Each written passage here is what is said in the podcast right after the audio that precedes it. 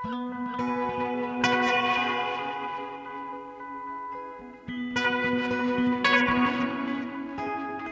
og sæl, kæru lustendur. Melkorka Ólafsdóttir og Halla Harðardóttir hils ykkur úr hljóðstofi Víðsjár 5. daginn 7. oktober. Í þætti dagsins Eitur og niður aldana, ADHD, Nobelsverlun og ferðalag um Rómarborg. Allt er eitur og ekkert er án eiturs. Aðeins skamtastærðin veldur því að einhvað er ekki eitur. Með þessari tilvitnun í 16. aldar alkemistan Paracelsus hefst skaldsagan Kákasusgerillin eftir Jónas Reyni Gunnarsson. Bókin kemur út í dag og á sama tíma kemur líka út skaldsaga annars ungs reytöfundar Dags Hjartarssonar sem ber titilinn Ljósagangur. Þeir Dagur og Jónas Reynir hafa verið vinir í þó nokkur ár og fara samferða í gegnum útgáfuferlið. Það þóttu því tilvalið að fá þá félaga hinga í hljóðstofu og hlera samtal þeirra um bækurnar, útgáfu ferlið og skáldskap í lífi og starfi. Eftir þetta samir hlustendur gætu hafa orðið þess varir að þulurinn og djaskækjarinn Pétur Gretarsson hefur síðustu vikur slætt lögum í Dasgrarásareitt af nýri plötu hljómsveitarinnar ADHD.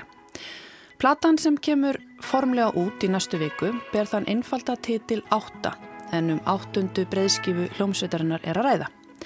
Hljómsveitina ADHD skipa bræðirnir Óskar og Ómar Guðjónsinnir, Tómas Jónsson og Magnús T. Eliasson og þeir gleða hlustendur hér undir lok þáttar.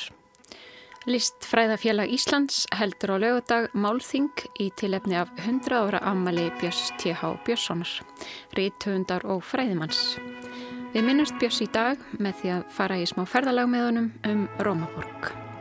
En við byrjum auðvitað þáttinn á fréttum dagsins sem bárust frá Svíþjóð rétt fyrir háttegi.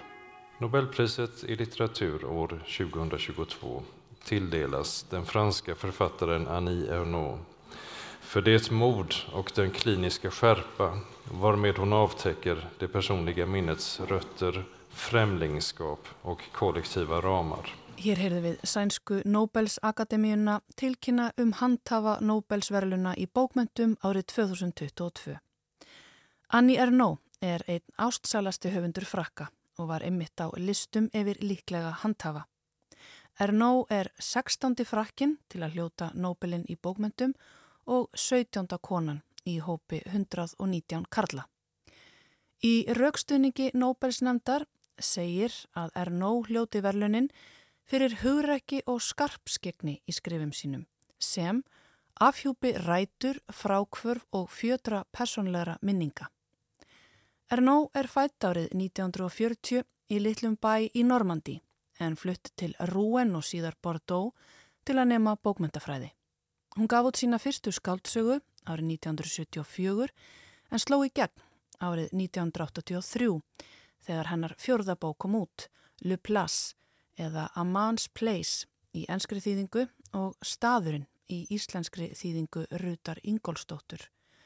Staðurinn er eina bók Ernó sem þýttu verið á íslensku en hún kom út í fyrra hjá Uglu. Ernó sækir mikið í sinn eigin reynsluheim í bókum sínum. Það er gerast að miklu leiti í Fraklandi og gefa insýn í franst stjættasamfélag og það er einmitt tilfellið í staðnum. Við skulum heyra örstuðt brott úr viðtali Jórunar Sigurðardóttur við Rut Ingolsdóttur þýðanda þegar bókin kom út. Jórun spurði Anni Ernó í þættunum orðum bækur hvað hafi verið í þessari bók sem heitlaðana við höfundin. Mér fannst hún í byrjun til lansana var ég ekkit mjög hrifin af henni og, og, og áttaði mikið á að ég myndi síðan þýðana. Mm. En síðan fór ég að hugsa til afa míns. Og það er eiginlega afa mínum að þakka sem er látið fyrir náttúrulega mörgum árum sem að ég ákvað að þýða þessa bók. Og það er vegna þess að hann, afi minn, Guðbrandur Guðbrandsson var bondi og verkamæður eftir hann flutti til Reykjavíkur og síðan faði minn var hins vegar uh, vel þekktur, Ingólfur, uh, bæði fyrir uh, kennslu sína og kórstarfið með pólumhóngkornum og síðan ferðarskristána útsýn og allan þannregstur sem hann stóð fyrir og kynnti Íslendingum heiminn. Það var, það var, það var kvatinn fyrir mig til þess að þýða þessa bók. Hins vegar finn ég í bók Anni svo einhvern sársöka og biturð í raun og veru uh, af hálfu föðurins að eins og hann get ekki alveg sætt sig við að hún er komin í allt, allt annað stjætt, allt aðra stjætt í Fraklandi heldur en þau. Og uh, þar myndast á milli þeirra gjá þó að hún lýsi þessu öllum mjög vel og sé að mínum að þetta ekki neikvæð en maður finnur vel að uh, það myndast gjá smám saman milli hennar og föðurins og ekki síst eftir að uh, Anni giftist að því að þá kemur þessi stjættamunur milli háskólasamfélagsins og verkafólks í Fraklandi sem er náttúrulega mjög víða en við finnum ekki svo mikið fyrir á Íslandi mm. en uh, tengdasónurinn sem var líka mentaður háskólaborgari, hann þeir náðu ekki saman. Mm.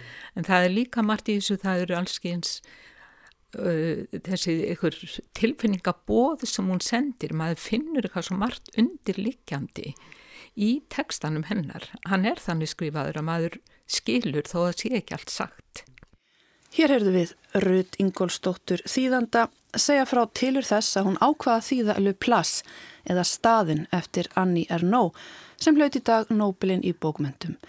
Ernaux er einn ástsælasti og áhrifamestu höfundur Fraklands. Hún hefur í sínum verkum tekið á málefnum sem snerta á samfélagsumræðinni, hvort það er í kyngerfi, stjætt eða stöðu. Hún fjallaðum Þungunaroff í sinni fyrstu bók, Le Armor Vidas eða Cleaned Out og aftur 25 árum síðar í Le Vendment eða Happening. En samnend kvikmynd sem vann gull-ljónið á kann í fyrra var mitt byggð á þeirri bók. En við skiljum við nýja Nobelshöfund hér en bendum á að áframverðar haldi með umfjöllun um RNO í lestinni á eftir. En þau Torfi Túlnius og Ardís Hrönn Egilstóttir verða gestir lestarinnar. En snúum okkur þá að íslenskri bókaútgáfi. Í dag koma út hjá forlæginu skáldsögur tveggja ungra rítöfunda sem hafa getið sér gott orð síðustu ár. Það eru bækurnar Ljósagangur eftir Dag Hjartarsson og Kákasusgerillin eftir Jónas Reyni Gunnarsson. Útgáfuhóf þeim til heiðurs fer fram núna klukkan 5 en félagarnir komu við í efstaleiti í morgun og rættu málinn sín á milli. Vísjá gerði sér lítið fyrir og settist sem fluga á vegg hjá þeim Degi og Jónasi Reyni og varð nokkus vísari um bækurnar báðar. Hér er það dagur sem segir fyrst frá. Dóttir mín sem er ára fimmara, hún, hérna, hún hefur séð bókina mína, hérna ljósagang, liggja á borðinu og ég hef búin að útskýra fyrir henni að þetta er bók sem ég skrifaði. Og, og mammenar var að reyna að útskýra fyrir henni svo að, að það er í útgáfuhóf og, og þá væri haldið bara það að bókin, hún fer í búðir og svona. Mm. Og, og ég kem inn í samtali og þá segir dóttir mín, já pappi saknar bókarina sinnar. Því hún heldur að það sé þessi eina bók að hún nú færi bókin af heimilinu já. og ykkur á búð. Já. og þetta var aldrei svona góð metafóra fyrir Þetta er mjög lýsandi fyrir tilfinninguna eitthvað, búin að vera lokar inni með þessu, þetta er svo mikið enga fyrirbæri, Einmitt. svo kemur hún út og þá er hún, saknar maður þetta Já, maður, þetta er alveg rétt hjá henni sko, maður er svona, ég, pappi saknar bókarina sinna, það er alveg, þú veist, það sem er gaman við að vera ritthöndur er að skrifa. Mm -hmm og útgáðan er snýst ekkert um að skrifa. Nei, það er flóknari fyrirbæri. Það svona, hef, hefur að gera með það að vinna við þetta. Einmitt. En samt er maður bara, þú veist það, það er bara hluta þessu. En hvernig, hvernig er þú stemtur? Bara, ég er bara þokkalega sko. Já. Ef maður vinnur við að setja niður kartablur þá þarf að taka upp kartablunar Einmitt. Þannig bændur þurfa að díla við það og maður þarf að díla við þetta en það er bara mjög gaman að ofnbörja þetta fyrir öðrum sko Ég er náttúrulega búin að lesa bókina allavega tvísvar og við erum svona sem búin að tala alltaf mikið um bókina mm -hmm. og bækunar okkar en hérna en þegar ég var bara svona að flettinni í gær þá eh, fannst mér svo stert þetta sko hún fjallar um það hvað skinnjun okkar á heiminum er einhvern veginn óáreiðanleg, hvað eru margar litlar og stórar breytur sem að hafa mhm. áhrif á það hvernig bara við skinnjum og búum til heiminni kringum okkur. Mm. og uh, þegar svona líður á bókina þá hérna fer lesandin svona pínu að evastumar, ekki þessar stóru tilvistalegu spurningar, heldur líka bara að þetta litla, þú veist að hei, maður fer átt að segja að heimurinn er svo mikið blekking og, og þú kipir daldi svona fótunum undamanni á nokkrum ögnablikum og þá fór ég að veltaði fyrir mig hvort að það væri það sem að þið þetta finnist að skáltsugur eða listaverk ættu að gera. Eða að kippa fótunum undan lesendum?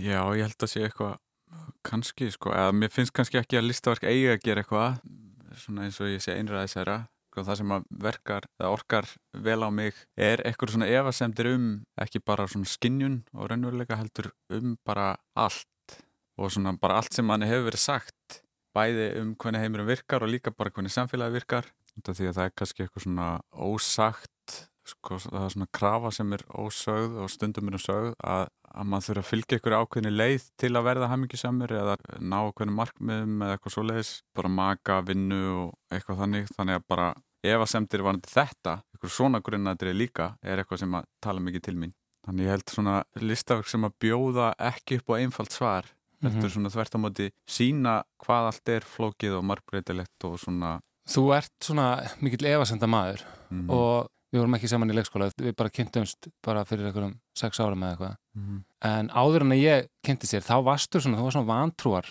maður, er það ekki? Varstu svona Jú, ég er svona mikil, mikil svona emitt ef að hyggju og ég trú á vísindi og, og svo leiðis og þetta, þetta tengis kannski hérna personum bókarinnar sem að bára sem að er að rannsaka efni, výmöfni, liv, mat og drikk og allt svona sem við neytum til að breyta okkur út frá mjög svona vísindalegu jarðbundnu sjónarhóttni en hún er líka með mjög svona sterka þrá eftir merkingabæri tilveru sem er mætt alveg kalla trúalega þannig að þetta er svona kannski mjög spiritual efa higgja mm -hmm.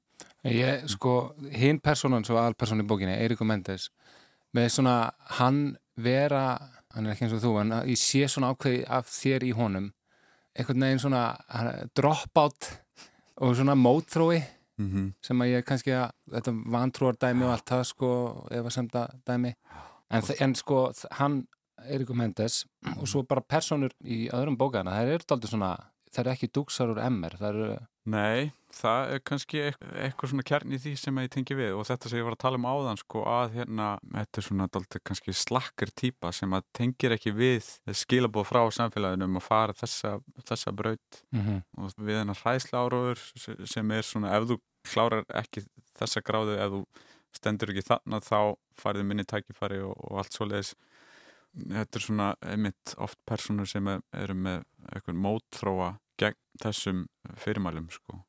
En svo svona önnur kannski þversögn í bókinni, Jónas, er að hún, hún fyllir manna efasemdum en mér finnst samt eins og sko það eru personur í bókinni á þess að spilla bókinni fyrir lesendum að, að þá eru personur sem að taka hugvíkandi liv og eru, það eru svona spyrna gegn tilgangsleysi, vonleysi og þó að bókinn sem er aldrei vísendalega þá er hún, mér finnst hún svona undinir bjart sítt og jafnvel trúalug tótt nýjini þannig er þetta mm -hmm. eitthvað svona ert þú sem, bara ekki höfundur heldur manneski, ert, þú veist, ert eitthvað að vera bjart sítni eða ert að, þú veist, finna eitthvað trú eða?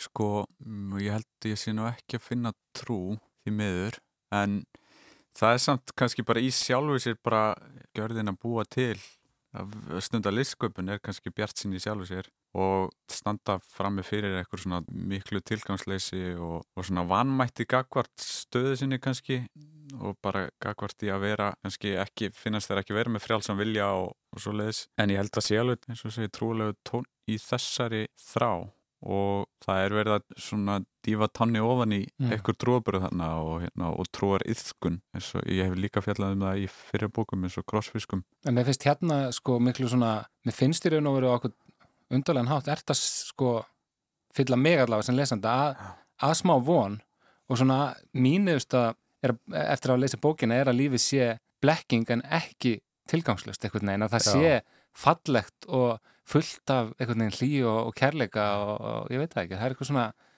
Ég er bara mjög glæður að heyra það sko. Já. maður hefði haldið að væri bara 100% eitthvað nýhilisk afstæða mm -hmm. að alltaf draga allt í efa bara um að tími og rúm sé ekki til eða eitthvað svoleiðis. En einmitt, ég held og ég vona að bókin bjóð upp á einhver svör við því sem er kannski bara einhver lending í einhver aðruleysi eða einhver svoleiðis.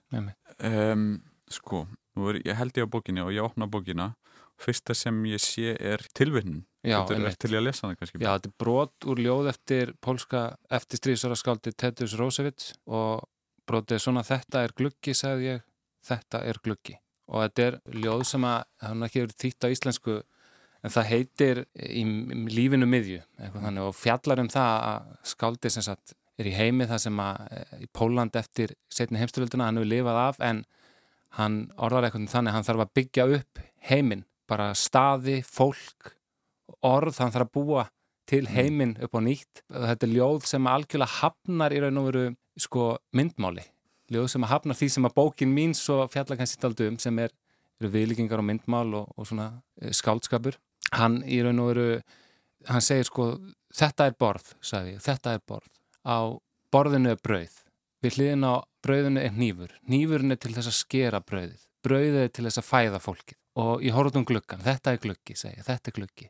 Út um gluggan sé ég eplatri og það er maður að týna eplina trénu. Maðurinn sem er að týna eplin að trénu er faði minn, þetta er faði minn. Og það er svona, maður finnur einhvern veginn þetta er eins og eitthvað sem er að jafna sig eftir sko einhvern heilaska, mm. en þetta er náttúrulega Já. það sem að gerist í svona miklum áföllum er að, að heimurinn hrinur og tungumáli er og þannig kannski einhver svona skurpunktur mellir bókan okkar, tungumáli er það sem tengir okkur við heiminn en það er líka það sem er á milli okkar og mhm. veraldarinnar þannig þannig að það er svona valdi þessa tilvíðunum. Já, þetta er gott stöf. Já, þetta, er, þetta er svo eitthvað svona þurft og blátt áfram en einmitt svona tjóðra mann við, við eitthvað, veitum mann eitthvað öryggi.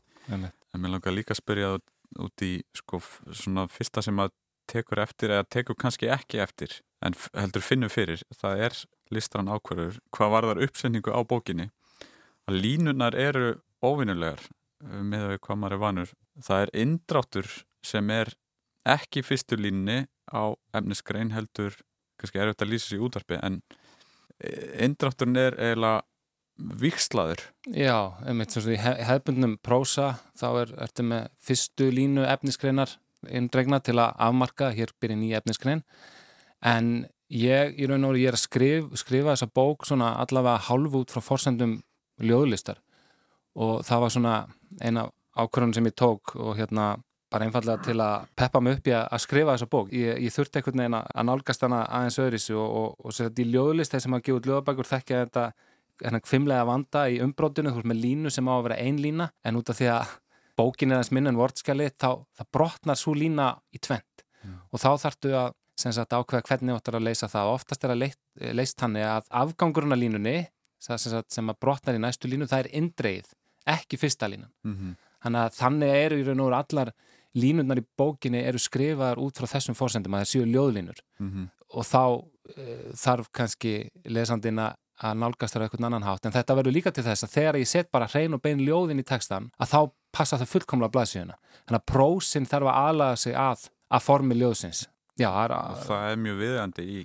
akkurat þessari bók en líka sko, ég hugsaði með personar í bókinu, sérstaklega svona tvær aðalpersonar, sögumæðurinn og kærastan hans mm -hmm. þau minna mig frekar á personur úr ljóði heldur en endilega úr skáltsögu Já, það kom svona kannski bara svona og, og með þetta innskóta þegar ég, eitt af því sem að e, er á baki þessa bóku svona, hún er ákveði ánæmisvipra við realism eða svona kröfunum rea, svona mm. realisma kröfunni mm -hmm. sem er mjög rík í allri umfjöldunum list og uh, við erum alltaf með þessar svona ákveðnar hugmyndur um að, að skáltsugur séu, þess að séu eitthvað frummynd af skáltsugur sem aðra skáltsugur er að herma eftir og frummynd af, af persónusköpun.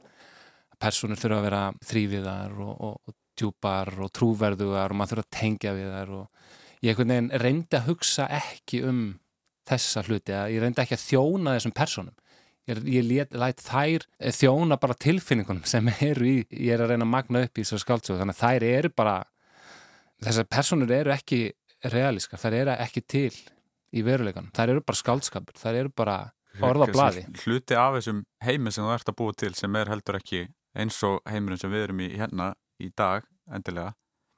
Nei, þetta er svona miklu skaldleiri heimur. Þetta er skaldleiri heimur og textin aðlega sig að því personar líka. Það er daldi svona atbyrðarásin og svona flæði atbyrðarásunar hún er einhvern veginn streymir daldi hratt áfram. Það hefur á tilfinningunni streymi í áttað ykkur óhjákvæmilegu sem er hluti af svona, það er bæði hluti af tón sögumannsins, en líka held ég sko, ég var að palja þessu út af því að þú, það eru svo margir kablar, það eru hérna 80 eitthvað kablar og þeir eru mjög stuttir og maður hefur á tilfinningunni að, að sko tímin líður á milli kabla þannig að tímin er, þú veit, alveg saksa mjög hratt á tíman en ég vildi spyrja bara út af því ég er alltaf foröldin um hvernig listamenn vinna og hvernig listaverk vera til var, þetta er svo sterk tilfinning fyrir mig allavega þegar ég lasa hana þessi tilfinning fyrir að streyma verið í einhvern ströym var það þannig þegar þú varst að skrifa hana?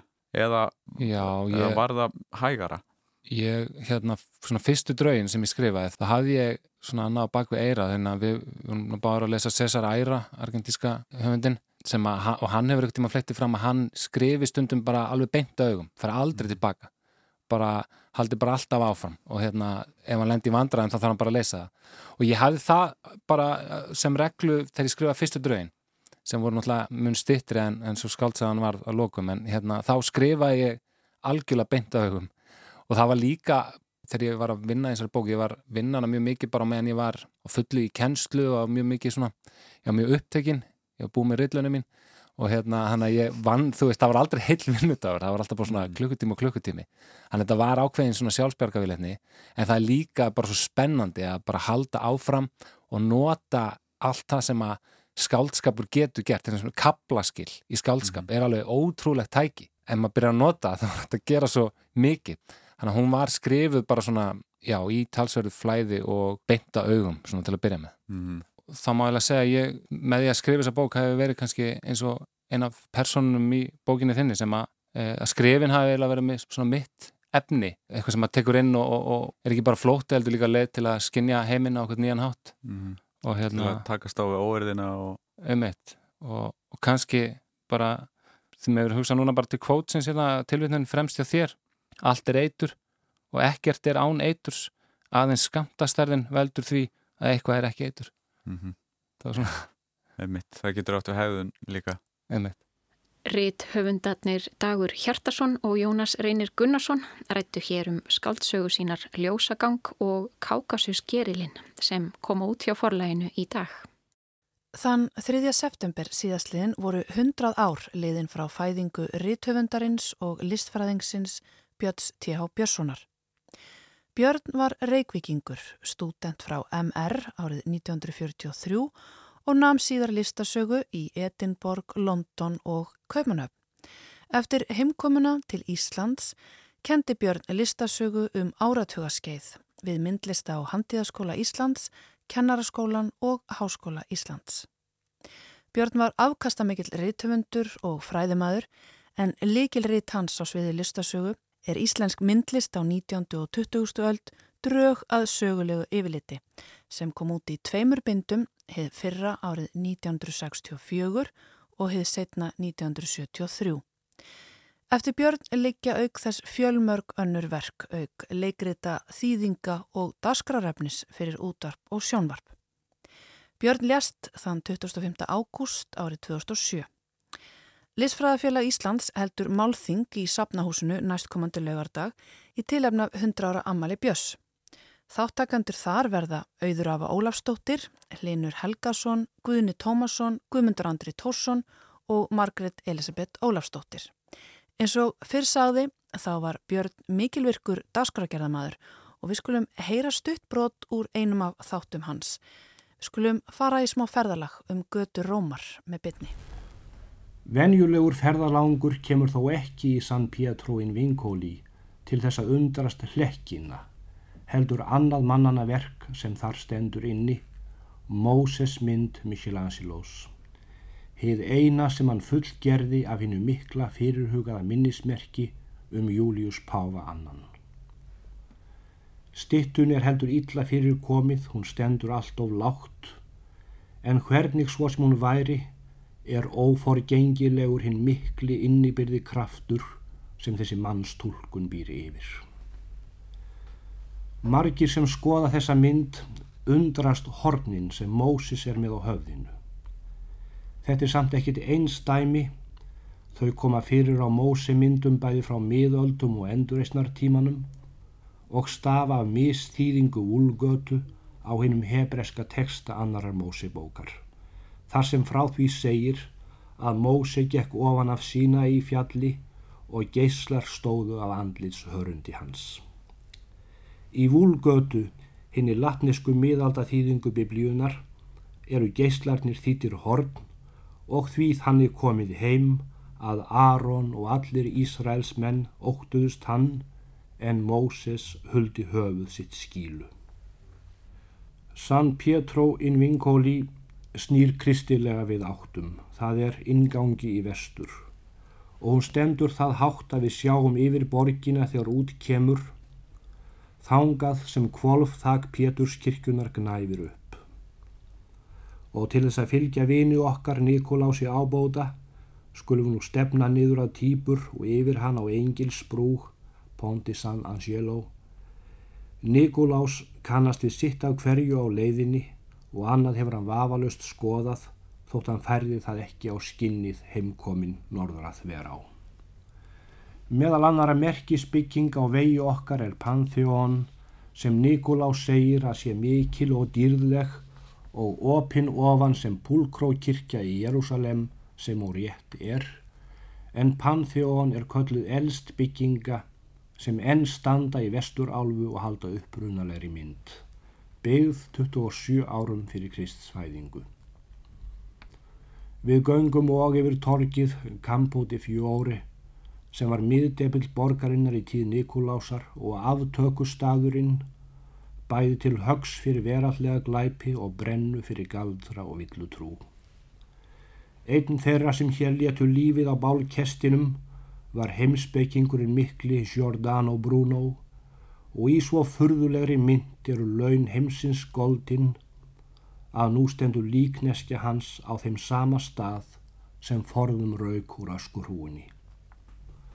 Nú er hér markaðstorg og í rauninni finnst manni hér ennþá vera miðdepill rómar, eigi hún sér þá nokkra miðju. Þetta er allt, segir Nikolás, fyrir utan tífur. Hún fellur í gegnum Rómaborg, hún hétt forðum Albana. Róm heitir fyrir norðan tífur en Latran fyrir sunnan og þó heitir allt saman Rómaborg. Crescentius kastali er hæstur í borginni fyrir hérdan ána Harla ríkur. En kastali þessi sem nú er nefndur Engilsborg blasir við augunum þegar við höldum yfir ána og hann geymir inn að ringveggja sinna óslittna sögu uppreysna styrjalda og mannlegar grimdar. Það var ósjaldan að pávarnir eru að hraða för sinni eftir þeim 1500 metra löngu í undirgöngum sem tengja Vatíkani við Engilsborg ætti heimskirkjan ekki að missa höfuð sitt þá og þar og svo sem líkneskja Brúnós stendur yfir sviðnablettinum á Kambóti fjóri, þannig rís og engill efst á þessum kastala, þá eru fleiri meistarar til og öfugumæli en Bjarni Skáldi. En nú blasir við okkur Péturskirkjan með víðáttu miklu elipsulöguðu torkin fyrir framann sig og Péturs nálin í miðið án efa stórkostlegasta leiksvið barokktímans í Evrópu. Já, leiksvið barokktímans, hér heyrðu við Bjötti og Björnsson, segja frá nokkrum hápunktum listasögunar sem fyrir augu hans bera á gungu um Róm. Þetta brotir tekið úr útastætti sem að Björn vann fyrir ríkjúsútvarpið árið 1963 og við bendum áhugasumum hlustendum á þátt sem að Guðni Tómasson setti saman í tilefni af 100 ára afmæli Björns og finna má í spilararúf undir titlinum Myndbrott. Og við minnum aftur á málþingið sem að Listfræðafélag Íslands heldur á laugadag í sapnahúsinu klukkan eitt. Aðgangur er ókipis og öll eru velkomin. En við ætlum að snú okkur aftur að við náttu góður að drengja og góðum skálskap að þessu sinni í formi tónlistar og já, líka matseldar. Í næstu viku kemur út áttunda breyðskífa hljómsveitarinnar ADHD. Hljómsveitina skipa bræðurnir Óskar og Ómar Guðjónsinnir sem leika á saxofóna og gítara, Tómas Jónsson, hljómbórsleikari með meiru og Magnús T. Eliasson, trommari. Magnús rætaði ekki efstaleiti en hinnir þrýr mættu galvaskir og við heyrum aðeins af sköpunarferlinu hér eftir stutt hljóðbrott.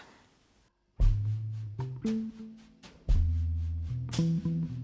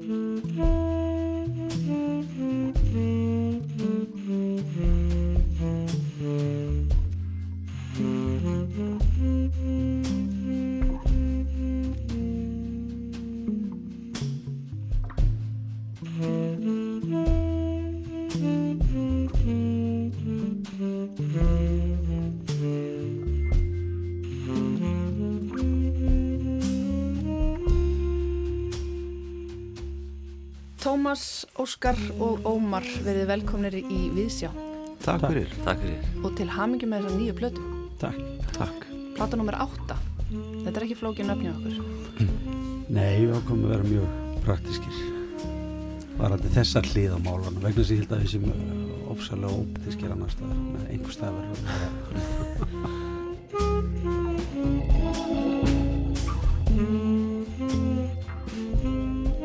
Hvernig eru hljómsveitaræfingarnar hjá okkur? Það er bara meira að, að elda og borða góða mat.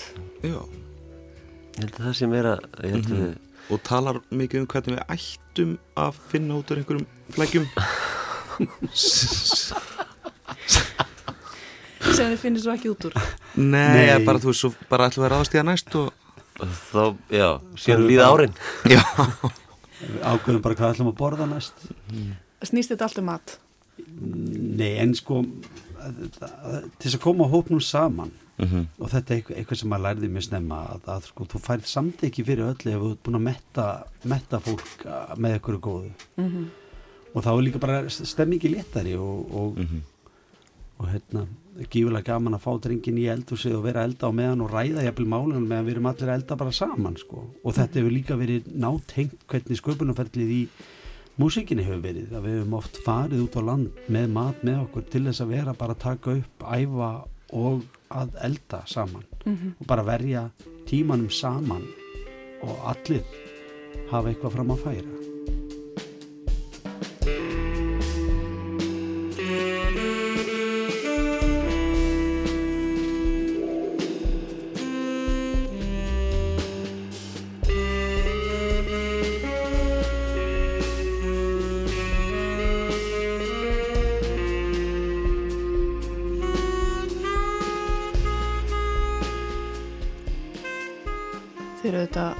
búin að spila svo ótrúlega lengi saman og eru orðnir mjög nánir en eru þið spunameistarar í matagerð eins og í tónlistinni?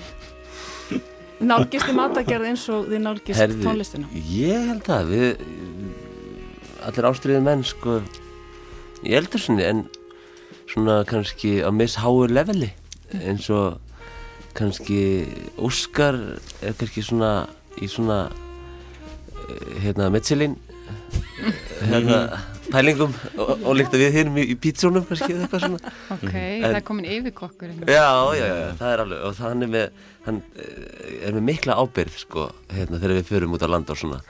Þannig að við gerum alltaf ráð fyrir að hann sé með fullt skottið af, af ráefni og, og, og, og, hérna, og uppskriftum. Já, ég, hef bara djúbstingapottin Svo síðast þegar við fórum á tókum við djúbstingapottin með á höfni hótna og djúbstettum kjúklingavengi og svona í morgumatt og Hverjum degi? já, hverjum degi Segir Tómas og grefur andlitið í, lókum sér. Nei, það var aðeinslega. Þetta er, þetta er mesti, þetta er sko auðvildasti og mesti stemmingskjafin allstaðar. Þú veist, þú þarft ekki annan að mæta á tónlistaræðingu með rútu og sótaðatni og bjóðu öllum og það er strax orðin léttara andrúslótt vegna þess að þú kemur færandi hendi með eitthvað sem að öllum finnst gaman en kannski Mhm. margir bara gleyma í að amstri dagsins Mhm. og Algjörlega. okkur hefur tekist einu sinni að talandum ég sverð það algjörlega á mér, ég er ekki á nefn Michelin level en okkur tókst einu svona að fá eina manni sem var með Michelin stjórn á þeim tíma á Íslandi til þess að koma með mat upp í sundlega sem vorum að taka plötunum með fimm Mhm. og fengum hátegismat og, tó og tókum svona sessjónera sem við æfðum eða spiluðum frá frá 10 til 12 tókum hátegismat frá 12 til 1 og svo 1 til 3 það var svona mjög skipulaðar sessjónera sem að svona unnu mjög koncentrerað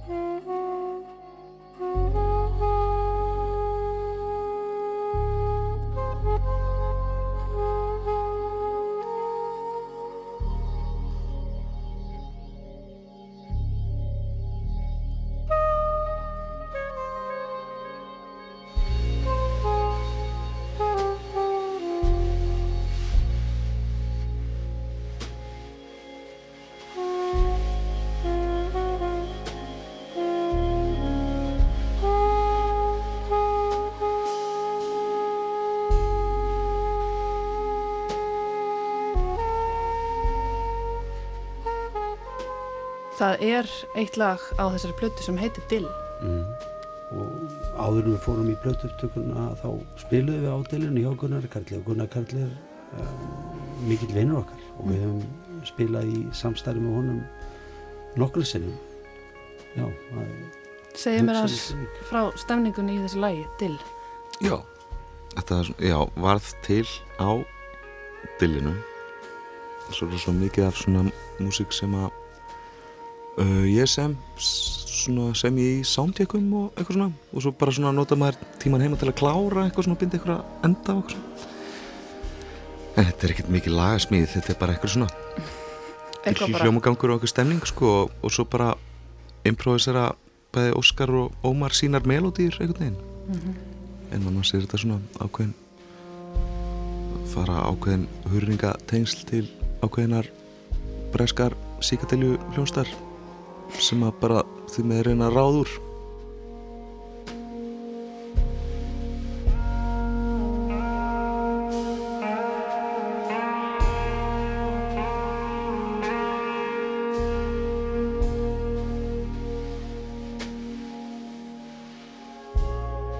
En Tómas, hvenær komst þú inn í bandið? Það, þú kemur með þitt eigið krydd.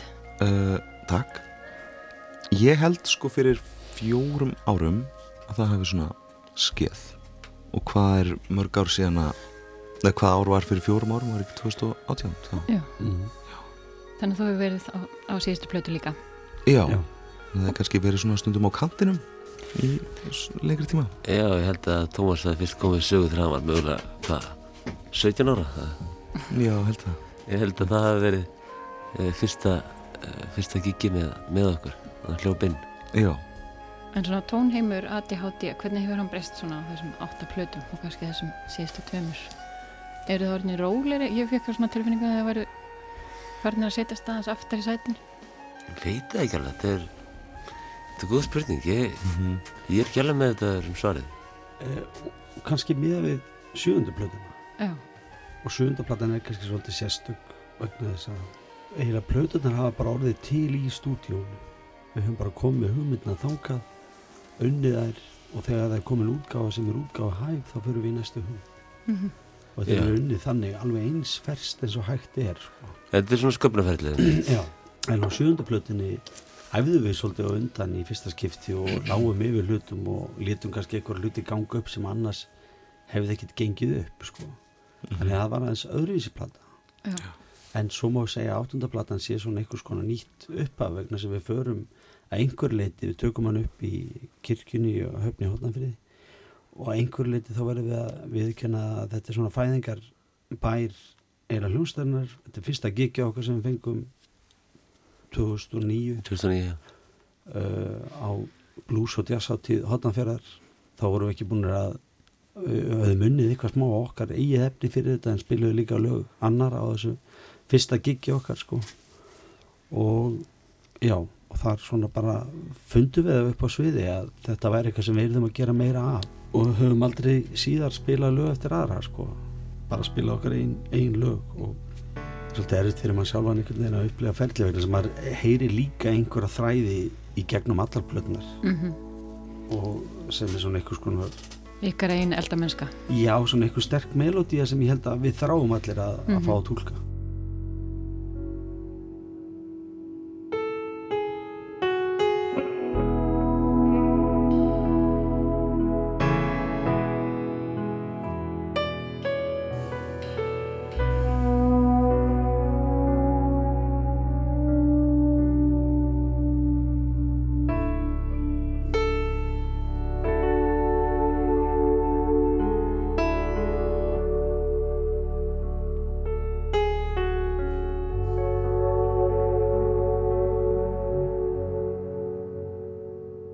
Tómas komið allir skemmtilega lýsingu hérna áðan á, á sköpunarferlinu þegar hann var að lýsa Dill að hann hefði svona fundið ykkur að stemningu og andrursloft og ætlaði að miðla því og hann hefði svona bara gert það og það hefði í raunin ekki verið neinn tónsmíðsamt og svo hefðu Óskar Ómar bara komið með sínar línur yfir það. Mm -hmm.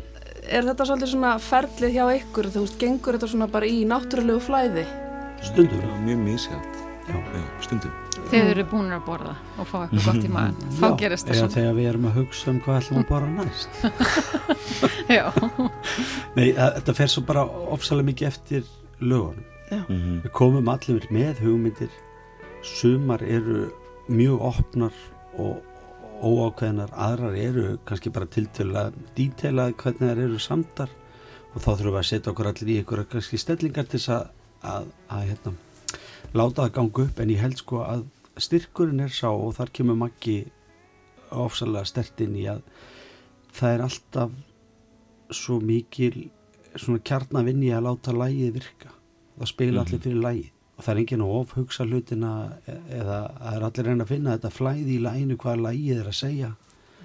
Og að reyna að, að koma því sem reynasti skila. Þannig að þú veist, þú ert, þú ert að, að passa að taka þér ekki þannig pláss að þú sérst að klessu lita yfir það heldur að leifa því að skína í gegn sko. en ég held að það sé svona styrkur hljómsveitarinnar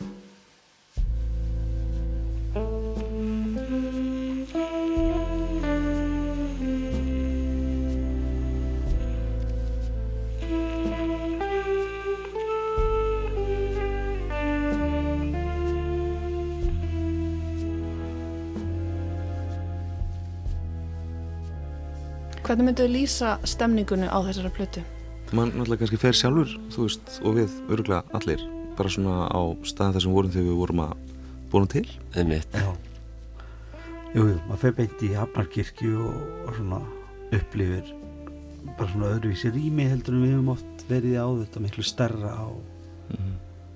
og svona meira loft einhvern veginn með öllu þannig ég held sem að held ég hafi líka haft áhrif á hversu hæg sem lögin urðu út af því að það var bara pláss inn í kirkjunu til að lifa mm -hmm. Já, svona rýmið sjálft uh, það var svo mikið hérna, endur ómur Mhm. í rýminu sjálfu þannig að við vorum líka svolítið að spila inn á það ég Mhm. og svona já Eh, og einmitt, platan fyrir okkur er náttúrulega eh, hérna, Fer- ferðalagið, ferlið já. og ferðalagið til Hafnar og, Mhm. og svo getur maður sko búið sér til alls konar hugreiningar tengsl eins og þetta þetta er nýtt upp af á grunnstaðinu sem við vorum á e, rýmið í, í hérna í kirkjunni sem er reyndar eitthvað sem við höfum unnið með frá því við byrjuðum að spila Já. þessa túra Mhm. við höfum alltaf reynd að hafa það með í farteskjuna þegar við förum upp á svið þá erum við ekki með skipulaða dasgrá við erum bara með þessi 68 lög sem við erum með útgefin og við erum kannski með svona 30 af þeim oftar á svona í puttunum 30, 35, 40 lög. Og það mega allir byrja á hvaða lagi sem er hvena sem er. Já, ég held að að strándilt ekki gætu við verið að spila fjögur lög á sama tíma sem að þetta gerist ekkit mjög ofta sem við viljum einhverju sammenningu en inn í þessum mengi sem við erum að reyna að vinna með þá erum við líka að reyna að vinna með rýmið sem við erum að spila í og fólki sem við erum að spila fyrir þannig að lögin eiga að breytast frá degi til dags mm -hmm. með við hvar við spilum og fyrir hvert við erum að spila mm -hmm. Já og einmitt þetta er svo svolítið rauði þráður, þráðurinn held ég sko í, í okkar, okkar vinnu sko bæði að túra og taka upp að það er svona það má ekkert vera of mikið skiplagt, það er ekkert skrifað blá áðunum fyrir maður stað, það er ekki búið að segja herri, ég ætla að koma hérna með fjöglu, ég ætla að koma með áttalög, ég ætla að koma með eitla það er bara, það gerist eitthvað á, á staðinu mm -hmm. og, e, og því meira natúral sem það er því, því hérna, þægilega er það fyrir held ég okkur sem ljósett mm -hmm. við höfum alltaf verið svona, líka á túrum það er eina sem við vitum, við vitum hvert við höfum að fara morgun. Já. Eða bílstörun okkar veit já, já, þú veist það, þú veist það ekki. Já, en, en sko, en veit farþegarsætið er alltaf besta sætið sko.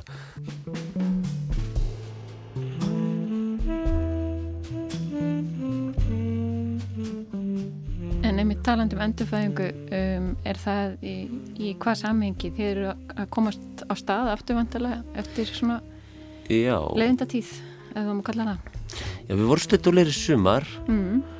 Og en, en þetta er svona einmitt, maður finnur mjög stert að, hérna, að þetta lífa að, hérna, að túra það er bregðtur mm -hmm. og svona og við erum með, búin að vera að vinna núna við vorum túra núna í tíu ár.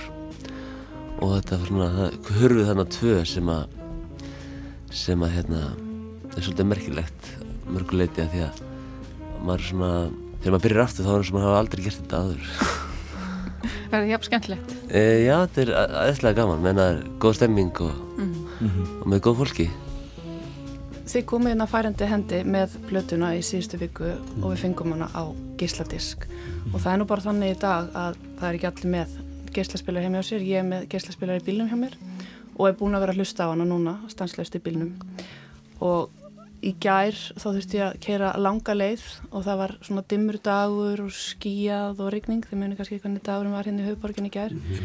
Og mér fannst hún eiga alveg einstaklega vel við þá kannski bara því hún talaði til mér þannig í því mómenti. Mm. en það er eitthvað svona angurverð fyrst mér yfir mörgum lagana en svo er eitt lag sem ég sett alltaf aftur á og það er hérna lag með tvö mm -hmm. sem heitir Prigo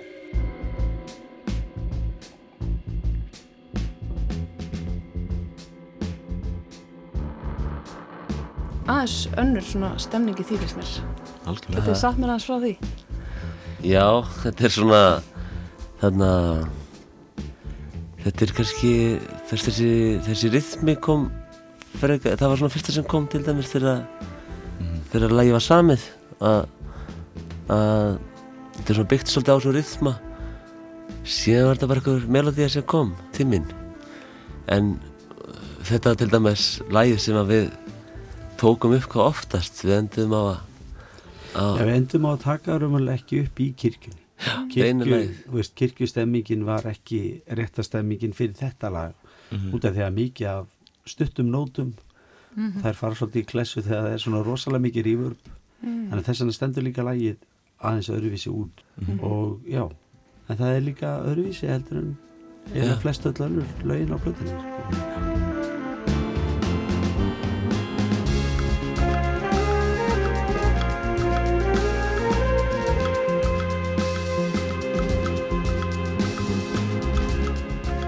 setja það kannski frekar á þeirra sólin, sólinskinn, ég veit það ekki. Ég, sko, ég veit það ekki. Setja það bara alltaf á. Já, já. sólinskein allan tíma sem við vorum á höfn. Það er nefnilega svolítið merkilegt. Það var svakalega heitt, svakalega gott viður kom, kom regning bara einn dag. Og við hefum ekkert oft séð þó við hefum komið til að hafna í hodnafrið oft sko, við hefum ekkert oft séð fjallasínuna svona ofsalega fallega og, og það var svolítið skrítið að vera inn í kirkja allan daginn sko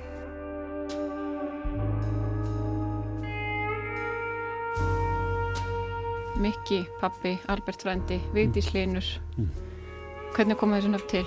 Ég held að það sé mjög misið Við samt eftir lögum öruglega Já, við eigum allir okkar lögaplötunum og höfum öruglega allir mismöndaða fyrir við að velja þessi nöfn Ég hef reyndið að temja mér svona síðustu ára að byrja á nafninu vegna annars er þetta mm. alltaf síðastu lutur sem kemur inn mm. og yfirleitt eitthvað sem kemur inn það seint að maður mann aldrei hvað lagi heitir og svo er maður á soundchecki eða, og, og munið hérna þetta lag hérna og þú þurft bara að spila það sko. Þannig að fyrir einhverjum árum síðan byrjaði ég að reyna að sko, byrjaði að skrifa nafnið og reyna að skrifa út frá því að einhverju leiti, einhverja tilfinning út frá því hvað lagið er. En þetta ásér kannski einhverjar svona sögulega tengingar hjá okkur vegna þess að á fyrstu plötunni er, eru fyrstu lögin með nöfnum af fólki. Mm -hmm. Og það hef, hefur verið alla tíð síðan. Og, og það er það eru tengingar í þeim lögum við einstaklingarna sem þau eru skýrð við sem að kannski engin annar skilur en við. Og þegar við höfum kannski einhverja aðra sína þetta fólk sko. Mm -hmm. Mm -hmm. og svo er aldrei neitt lag sem heitir eftir því er tæmand um hver þú ert. Það er kannski bara einhver ákveðin stemming sem gerðist þarna. Og hér á þessum ADHD nótum ljúku við þætti dagsins þakkum fyrir vikuna og verðum að sjálfsögða aftur hér á mánudag með ykkur, minnum á úrval á sunnudag og svo er auðvitað alltaf hægt að nálgast við sjá í spilara og á hlaðvarpsveitum. Takk fyrir okkur og verið sæl.